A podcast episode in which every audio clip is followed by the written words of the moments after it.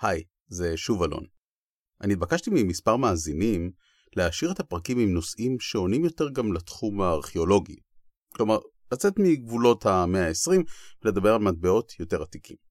אז כפרק פותח בתחום הזה, ואני אעשה מדי פעם פרקים שנוגעים לנושא ארכיאולוגיה, שגם הוא כמובן חלק בלתי נפרד מהתחום הנומיסמטי ואיסוף הכסף, בפרק הזה אנחנו נדבר על מטבעות החשמונאים.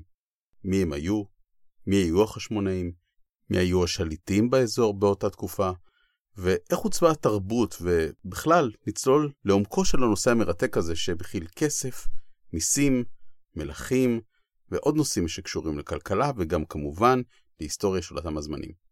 אז פתיח קצר ומתחילים.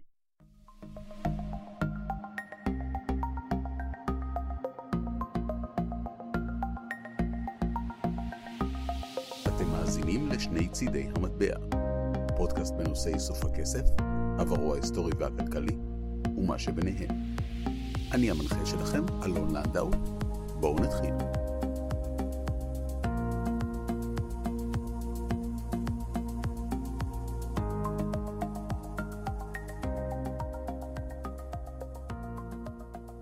אז הפרק הזה הוא אחד מתוך שני חלקים, כי יש כאן יותר מדי חומר והוא באמת קצת עמוס במידע, אז החלק הראשון הזה יספר את ההיסטוריה של התקופה. המלכים, מלכי החשמונאים והשליטים, היהודים של אותה התקופה, והחלק השני ייגע יותר במטבעות תקופת החשמונאים, זאת אומרת בחלק היותר נומיסמטי שלו, שבעצם כדי להסביר אותם, חייבים להבין את התקופה ואת ההיסטוריה של מלחמת החשמונאים והמרד של אותה עת. עכשיו, אני מבטיח להנגיש את החומר הזה בצורה ברורה ויחסית פשוטה ומעניינת. אתם לא בשיעור היסטוריה בתיכון כאן. אנחנו נסביר את הסביבה ועל איזה נושאים היו הקרבות של אותה התקופה, מי נלחם נגד מי ולמה, ומה היו התוצאות. אז בואו נתחיל במשחקי הכס, גרסת החשמונאים.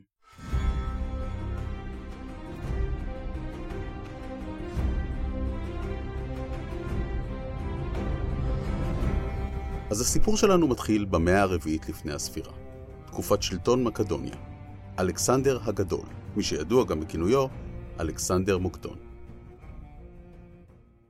היהודים, עד אותה התקופה, חיים להם בשלווה כחלק מהאימפריה הפרסית, מנהלים את העניינים שלהם, בעצם אף אחד לא ממש מפריע להם בחיי היום-יום. הפרסים בעצם גם לא רצו להתערב בחיים של אותם יהודים. בעצם לא הייתה להם איזושהי תוכנית מוסדרת. לא הייתה להם תוכנית תרבותית, או כל דרך אחרת להנהיג את החיים של אותם תושבים. וככה הם חיו פשוט תקופה מאוד מאוד ארוכה, בלי שום הפרעה מצידם. אבל אז, כמו שאמרנו, מגיע אלכסנדר מוקדון.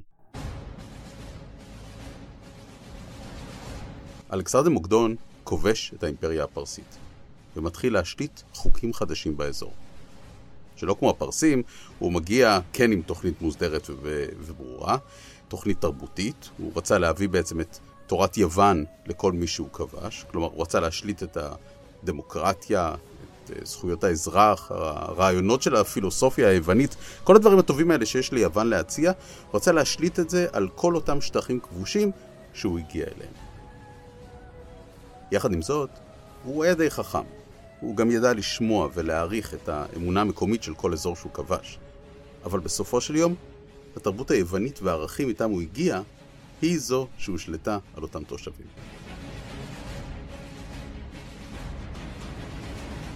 ליהודים של אותה התקופה, לפחות כשאלכסנדר מוקדון רק התחיל להשליט את התרבות היוונית, זה לא באמת יצר כזה קונפליקט עם היהדות. הייתה לו גישה מסוימת והיא עבדה במקביל ליהודים שחיו להם באזור. אבל הבעיות התחילו עם היורשים שלו, לאחר מותו של אלכסנדר מוקדון. דרך אגב, המוות שלו היה מאוד מסתורי. זה אחד הסיפורים הכי מוזרים בהיסטוריה. יש עדיין באמת כל מיני תיאוריות קונספירציה על איך הוא מת, אבל בפועל מה שידוע זה שהוא מת צעיר. ונכון, בתקופה ההיא בכל מקרה תוחלת החיים לא הייתה ארוכה, אבל הוא מת בגיל 32. והוא מת בגלל מחלה מסתורית שגרמה לשיתוק וקשיי נשימה. אז יש כאלה שטוענים שהוא הורעל, ויש כאלה שחושבים שזה פשוט היה סוג של מלאריה. עדיין היסטוריונים מתחבטים בשאלה הזאת, אבל דבר אחד בטוח, הוא מת והקבר שלו לא נמצא מעולם. אז המוות של אלכסנדר מוקדון הביא למלחמות ירושה, מלחמות ירושה פנימיות. היו קרבות שלבסוף התפצלה בהם האימפריה היוונית לשלוש מלכויות נפרדות. וכמו שאמרנו, הבעיות בעצם התחילו כשעלו אותם יורשים אחרי אלכסנדר מוקדון, אותם מלכויות. אפשר להבין את זה האמת, כי לא היה רק מלך אחד פתאום, עם תפיסה אחת. כל מלך, כל בית, הביא איתו תפיסה שונה, וכך התחיל להסתבך השלטון והאינטריגות בין הבתים. תדמיינו באמת סוג של משחקי הכס, מי שראה את הסדרה, אז בית לניסטר הייתה להם תפיסה אחת, ולבית טייגרין הייתה תפיסה אחרת. לכן הפיצול התחיל ליצור אינטריגות, וגם כאן הבתים באו עם תפיסות שונות. אז בואו נסביר את הפיצול. החלוקה הייתה לשלושה בתים מרכזיים. היה את בית תלמי, שהיו באזור גיאוגרפי של מצרים, את בית סלבקוס, שהיו באזור של סוריה עד לארץ ישראל, כולל ארץ ישראל, ומלכות מקדוניה, שהייתה במה שמוגדר היום בעצם אירופה. אנחנו נספר ונתמקד על בית אחד בלבד, על בית סלבקוס. אנחנו נתמקד בבית הזה כי שם בעצם הונהגו הסדרים החדשים שהביאו לשינוי התקופה מבחינה חשמונאית. השינוי המהותי קרה ב-175 לפני הספירה, כאשר אנטיוכוס הרביעי, ששמו המלא הוא אנטיוכוס אפיפנס, כבש את ארץ ישראל בדרכו מסוריה למצרים. אנטיוכוס בעצם רצה לאחד חוקים ולשקף אותם לפי ההחלטות שלו. דרך אגב, לא היה לו שום אינטרס באמת לכבוש את הארץ. לאף אחד מהשליטים בתקופה היא לא היה. פשוט המיקום של ארץ ישראל תמיד נמצא בין אזורים. אז כשהוא היה בדרכו מסוריה למצרים, כמו כל שאר השליטים, כבדרך אגב, הם לקחו גם את החלק הגיאוגרפי הזה. הדבר הראשון שהוא ביקש לעשות זה לאחד את לוח גביית המיסים. אתם רואים? הבטחתי לכם, בסוף הכל חוזר לכסף וכלכלה.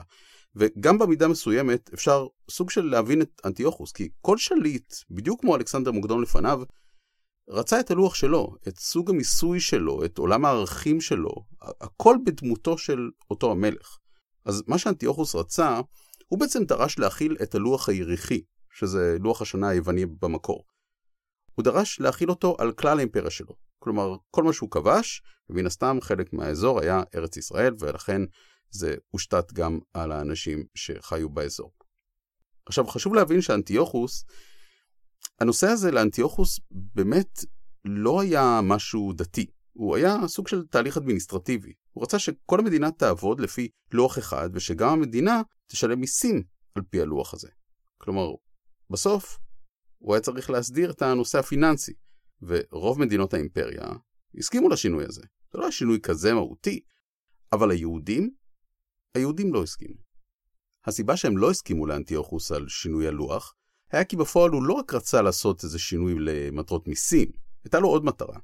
והמטרה הזו הייתה חגיגות בכל עיר ועיר לכבודו בבית המקדש. עכשיו, חגיגות זה נחמד, אבל החגיגות שאנטיוכוס רצה היו סוג של חגיגות יום הולדת. שלא כמו היום, שאנחנו חוגגים יום הולדת אחת לשנה, בתקופת המלכים, המלכים רצו יום הולדת כל חודש. עכשיו זה נשמע מוזר, אבל לא ממש, תחשבו על זה. עושים יום הולדת כל חודש, מקבלים מתנות, אז הוא שילב את כל הדברים הללו ביחד עם תשלום של מיסים. קיבלת מתנות, ודרך אגב, אה, מתנות גם למשלמי המיסים, זאת אומרת בבנייה ועזרה לתושבים. זאת אומרת, אנשים הגיעו, שילמו מיסים, נתנו מתנות, הם גם קיבלו מתנות, כלומר, כולם חוגגים את הולדת המלך, וזה קורה אחת לחודש. והכי חשוב, שזה קורה בבית המקדש המקומי. אז היהודים אמרו, שנייה, אי אפשר לעשות מסיבה. בטח לא מסיבת יום הולדת בבית מקדש. בנוסף, לא חוגגים בבית מקדש לאדם בשר ודם. זה בית מקדש, זה מקום קדוש. ומכבדים בו את אלוהים, לא מכבדים בו בני אדם. לכן כל הרעיון הזה פשוט אסור. כתוצאה מזה, הכהן הגדול בירושלים פשוט סירב להכיל את הלוח היריחי על בית המקדש, ובעצם אמר לאנטיוכוס, תשמע, אנחנו נשארים עם הלוח העתיק והמקודש שלנו, אנחנו לא מתכוונים לשנות אותו.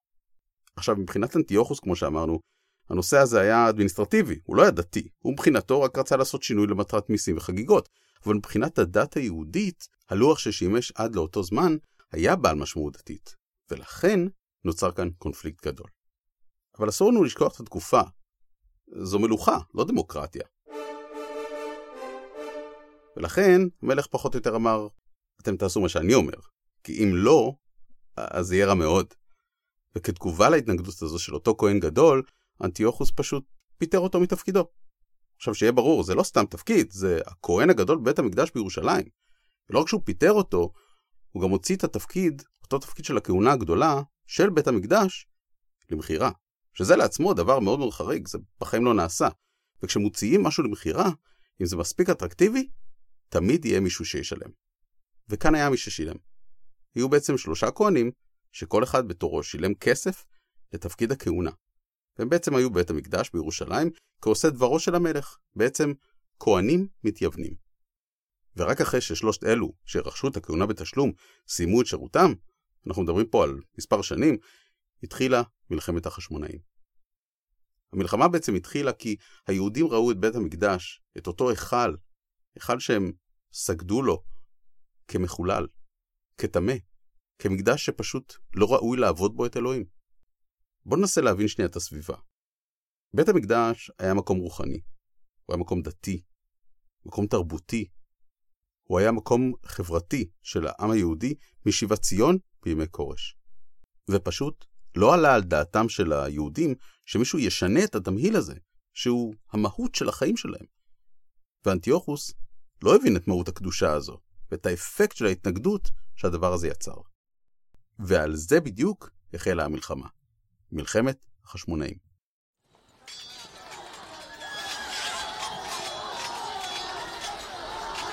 מבחינת לוחות הזמנים, אנחנו מדברים עכשיו על המאה השנייה לפני הספירה. ליתר דיוק, השנה 167 לפני הספירה. אז אמרנו מרד החשמונאים. אבל מי היו החשמונאים? אז החשמונאים היו כהנים זוטרים ממודיעין, והם יצאו להילחם כנגד מה שהם ראו כטומאה, כחילול המקדש. מי שיזם את המרד היה אחד בשם מתתיהו. כולנו מכירים את השם מסיפורי חנוכה, מתתיהו החשמונאי, ולמתתיהו היה מטרה אחת בלבד, מטרה דתית. המטרה שלו הייתה טיהור בית המקדש. הוא גם ראה בהתייוונות של היהודים את האיום העיקרי להמשך קיומו של העם היהודי. כלומר, הוא בא עם אמונה ואידיאולוגיה חזקה. מתתיהו הנהיג את המרד יחד עם חמשת בניו. חלקם מוכרים יותר וחלקם פחות. היה את שמעון, שהוא מינה אותו להיות איש ימינו, Hand of the King אם תרצו, אבל גם איש עצה ברמה הדתית. היה את יונתן, אותו הוא הפקיד על הקידום המדיני, ואת יהודה המכבי. הוא נתן לו להיות שר בצבא ולהנהיג איתו את המרד. שני הבנים האחרים, אלעזר ויוחנן, גם הם לחמו איתו, אבל הם קצת פחות מוכרים, כי הם מתו די בתחילת המרד. האח אלעזר לדוגמה, נהרג בזמן שניסה להסתער על פיל, כשהוא חשב בטעות שעליו נמצא מפקד הכוח היווני. הוא הסתער על הפיל ופשוט נמחץ תחתיו. באמת, מוות טרגי. המלחמה המשיכה ולקחה איתה גם את האח יוחנן, ובעצם נשארו מתתיהו ושלושת מבניו. מתתיהו המשיך להילחם בקדושה אמיתית למטרה שלו. ועם השנים, גם הוא, כמו שני בניו הראשונים, נפל ומת. ולאחריו הנהיג את המרד הבן שלו, יהודה המכבי, שמונה כמובן על ידי מתתיהו לפקד על המרד ממש לפני מותו. יש המון סיפורים על יהודה המכבי, המנהיג, הלוחם, המצביא. הוא בעצם השלים את הטיהור של בית המקדש, בדיוק כמו שהתכוון לכך אביו מתתיהו, והוא לחם בגבורה במרד המפורסם. למעשה ההיסטוריון יוסף בן מתתיהו, שידוע גם כיוספוס פלביוס, כתב על יהודה, יהודה המכבי את הדברים הבאים. איש גיבור הוא בעל מלחמה גדול. קיבל עליו לפעול ולסבול הכל למען חירות בני עמו. וזו גבורתו של איש שהניח אחריו מצבת זיכרון גדולה ביותר, שגאל את עמו והוציאו משעבודם של המוקדונים.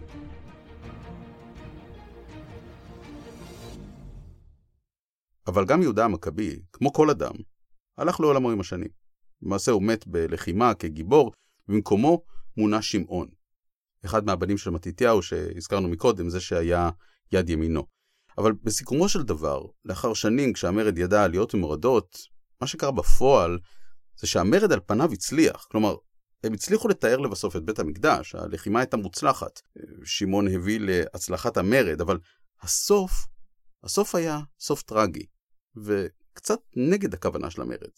כי עלתה בעצם ירושה לא לגיטימית, שמיד נדבר עליה. כל הירושה של שושלת המלכים החשמונאית, שלא עמדה בקנה אחד עם התיאור שעליו נלחמו כל כך קשה. דרך אגב, התיאור ההיסטורי של הלחימה והטיהור של בית המקדש מצוינים בספרי מכבים ב'. בספר מכבים ב', שנקרא גם, דרך אגב, ספר החשמונאים, יש את ספר מכבים ב' וספר מכבים א', ספרי החשמונאים האלה הם ספרים חיצוניים שלא ממש נכנסו לקנון היהודי. פחות דיברו שם על אלוהים. למעשה, אלוהים בכלל לא מוזכר שם. כלומר, ספר מכבים א' מוקדש לגבורת בשר ודם, וזה משהו די חריג בידות, כי ספרים, כתבו אותם לאלוהים, וכאן בעצם נכתב ספר שכל כולו בנוי על מי הם אותם האנשים שלחמו. פשוט ספר היסטורי שמתאר את התגלגלות משחקי הכס של התקופה החשמונאית. אז ספר מכבים א' מתאר את אה, כל תקופת המרד, הוא גם דרך אגב נחשב יותר אמין מבחינה היסטורית משאר הספרים, בין השאר בגלל שהוא שימש המקור העיקרי לספרים של אותו היסטוריון יהודי, יוספוס פלביוס, אה, יוסף בן מתתיהו. עכשיו, לאורך התקופה של המלחמה, רצה הגורל ואנטיוכוס, אותו אנטיוכוס הרביעי, פשוט מת, ובמקומו עלו למלוכה היורשים שלו, אותם יורשים לא לגיטימיים שפשוט התווכחו מי זכאי למלוכה. משחקי הכס של ממש. בשלב הזה התמונה פשוט השתנתה לגמרי. כי כבר לא היה אינטרס בכיבוש ארץ ישראל, כמו שהיה למלך אחד. האינטרס של היורשים הייתה יצירת מלכות של שליטים וניצבים באזורים השונים בממלכה. אז הראשון שניצח היה אחד בשם אלכסנדר בלס, ואלכסנדר מינה את יונתן להיות כהן גדול, אותו בן של מתתיהו. עכשיו, חשוב לדעת שהיה כאן שיתוף פעולה ברור בין השליטים היוונים, זאת אומרת אלכסנדר בלס, לבין אותם כהנים גדולים, במקרה הזה יונתן, שהיה חלק מהקהילה היהודית, והם הומלכו בעצם תחת אותו שלטון, להיות כהן גדול, להיות סוג של מלך אזורי, תחת שלטון הלניסטי. עכשיו, דיברנו על יונתן, ואמרנו שאלכסנדר מינה את יונתן להיות כהן גדול, שליט אזורי, שליט יהודי. אבל הדבר הזה מהותי ממש, והוא ממש היווה תפנית בעלילה שלנו. כי יונתן, למרות שהוא חשמונאי, יהודי, אפילו כהן, לא היה שייך לכהונה הגדולה. כלומר, הוא היה כהן, כן, אבל לא של אותה כהונה גדולה שהייתה שייכת אך ורק לבית צדוק.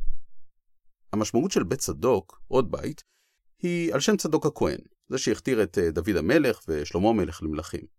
כלומר, לאורך השנים, רק כהנים משושלת צדוק היו לכהנים גדולים. וכאן פתאום הגיע יונתן, שפשוט לא שייך לשושלת הזאת, ומקבל תפקיד של מישהו מחוץ לשושלת בת מאות שנים.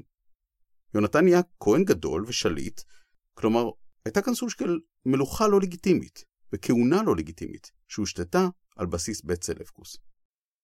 התיעוד ההיסטורי מוכיח גם שיש תהליך של התייוונות של אותם שליטים, של אותם כהנים, כלומר במקרה הזה יונתן, ואפשר לראות את זה בתהליכים כמו נתינת מתנות. דיברנו על נתינת מתנות בתחילת הפרק, אה, כלומר חלק מהפעולה של המלך, אותו כהן גדול, עם השליט הסלבקי, שהוא בעצם בן בריתו, שהסמיך אותו לתפקיד. הוא היה יכול לקבל מתנות, הוא היה נותן מתנות, אז יש תיעוד על כך שיונתן מביא אה, מתנה כמו כתר מזהב, כף תמר מזהב, רומח מזהב, ועוד כל מיני דברים. הוא גם קיבל כמובן מתנות, אה, זה באמת היה המשחק הדיפלומטי של אותם יוונים, הוא קיבל בגדי ארגמן, סיכת זהב, כלי כסף וכמובן תכשיטים.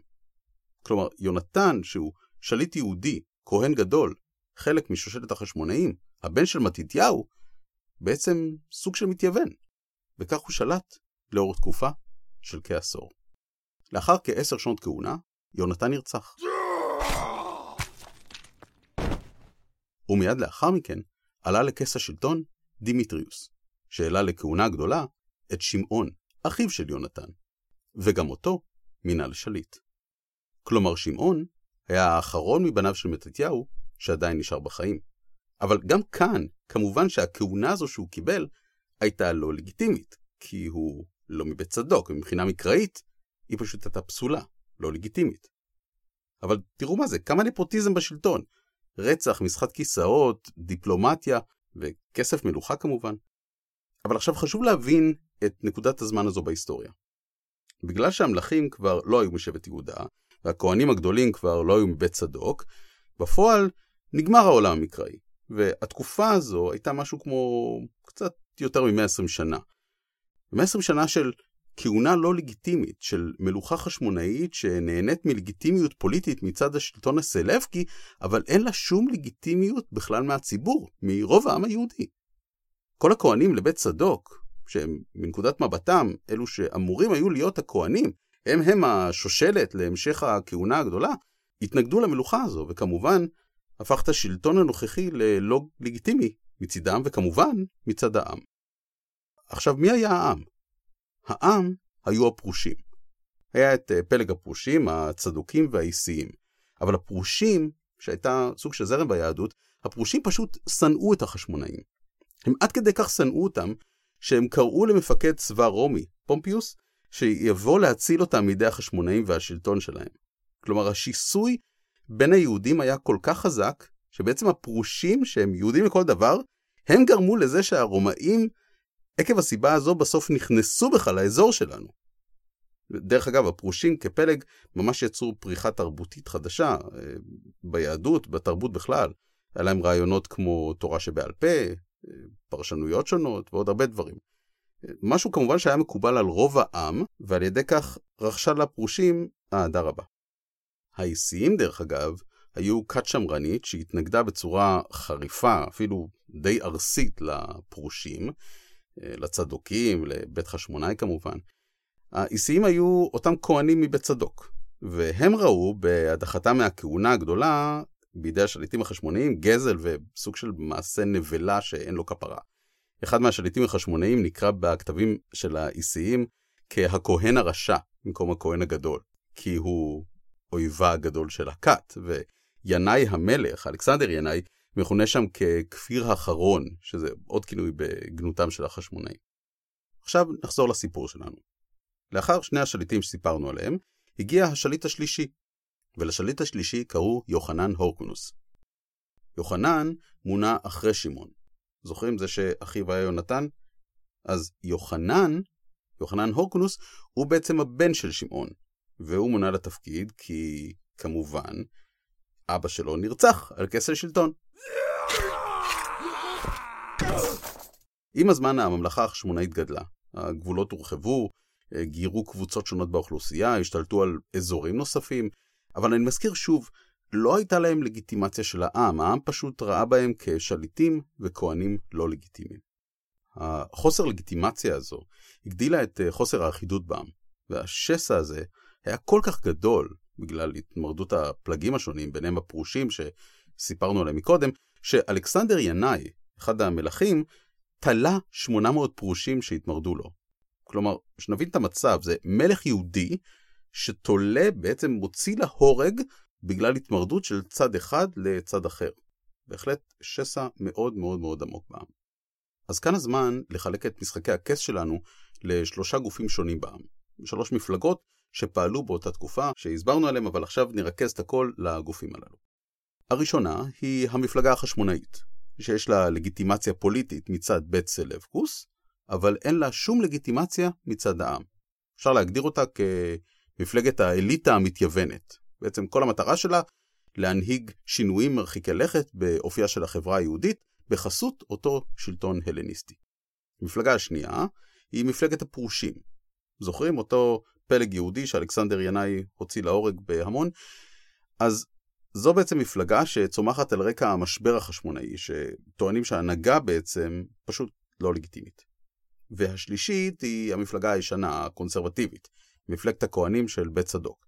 הקבוצה הזו בעצם מסוג של מתנגדת לחשמונאים, כי הם בעצם שברו את אותו סדר מקראי שדיברנו עליהם. גם הפרושים וגם הכהנים לבית צדוק בעצם מה שאנחנו מגדירים נאמני מסורת, שמרנים, אבל במטרה לשמר את היהדות, בעצם למנוע התייוונות. וזו הייתה התקופה. אז לסיכום, מי היו החשמונאים? החשמונאים היו המשפחה השלטת ביהודה מעלייתו של מתתיהו הכהן שסיפרנו עליו, ב-167 לפני הספירה, ועד למותו של אחרון, מלכי בית חשמונאי, אנטיגונוס השני בשנת 37 לפני הספירה. לאורך מרבית התקופה הזו, הייתה יהודה ממלכה עצמאית ששלט בה שליט חשמונאי כמלך או ככהן גדול. וכפי שהסברנו, החשמונאים בראש ובראשונה היו מנהיגים צבאיים, ואורח החיים החילוני-יווני התווה את התחום המדיני, הפוליטי, תרבותי וכמובן הפיננסי הכספי.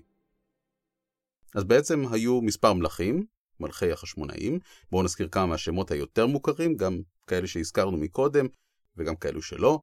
היה את אלכסנדר ינאי, שלום ציון, יוחנן הורקונוס, אבשלום ועוד מספר מלכים.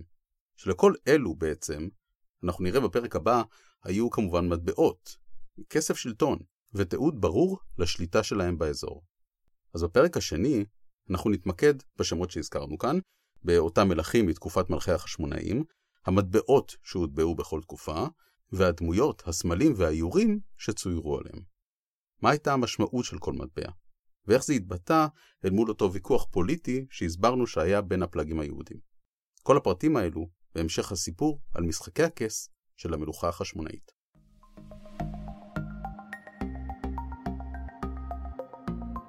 תודה שהאזנתם לעוד פרק של שני צידי המטבע. איורים של הדמויות שהסברנו כאן ועוד פרטים ניתן למצוא בדף הפייסבוק שלנו. שם גם תוכלו להשאיר לי הודעה, הערה או רעיונות לנושאים נוספים. הצטרפו אליי כאמור לפרק ב' של הסיפור המרתק על משחקי הכס של המלוכה החשמונאית, ונצלול לעומק המטבעות שהוטבעו על ידי המלכים השונים. נשתמע.